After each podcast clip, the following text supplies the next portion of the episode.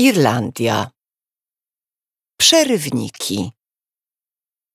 Anie McKay.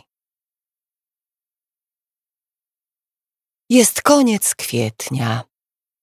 Wiosna późno w tym roku rozpoczyna nieskończoną wspinaczkę. Aż na czubki wiśni zlatują się ptaki.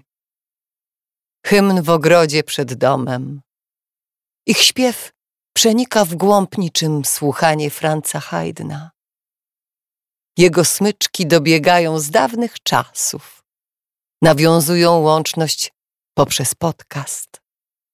Opowiadają o trudach i staraniach artyście, którego początkowe zmagania z umysłem, duszą, kiesą, wznoszą się i opadają z każdym drgnięciem struny odciągają myśli od zwykłych spraw. Przerywniki, niczym ptasia pieśń, słyszana w dzielnicy dzieciństwa. Tęsknota za odległymi horyzontami.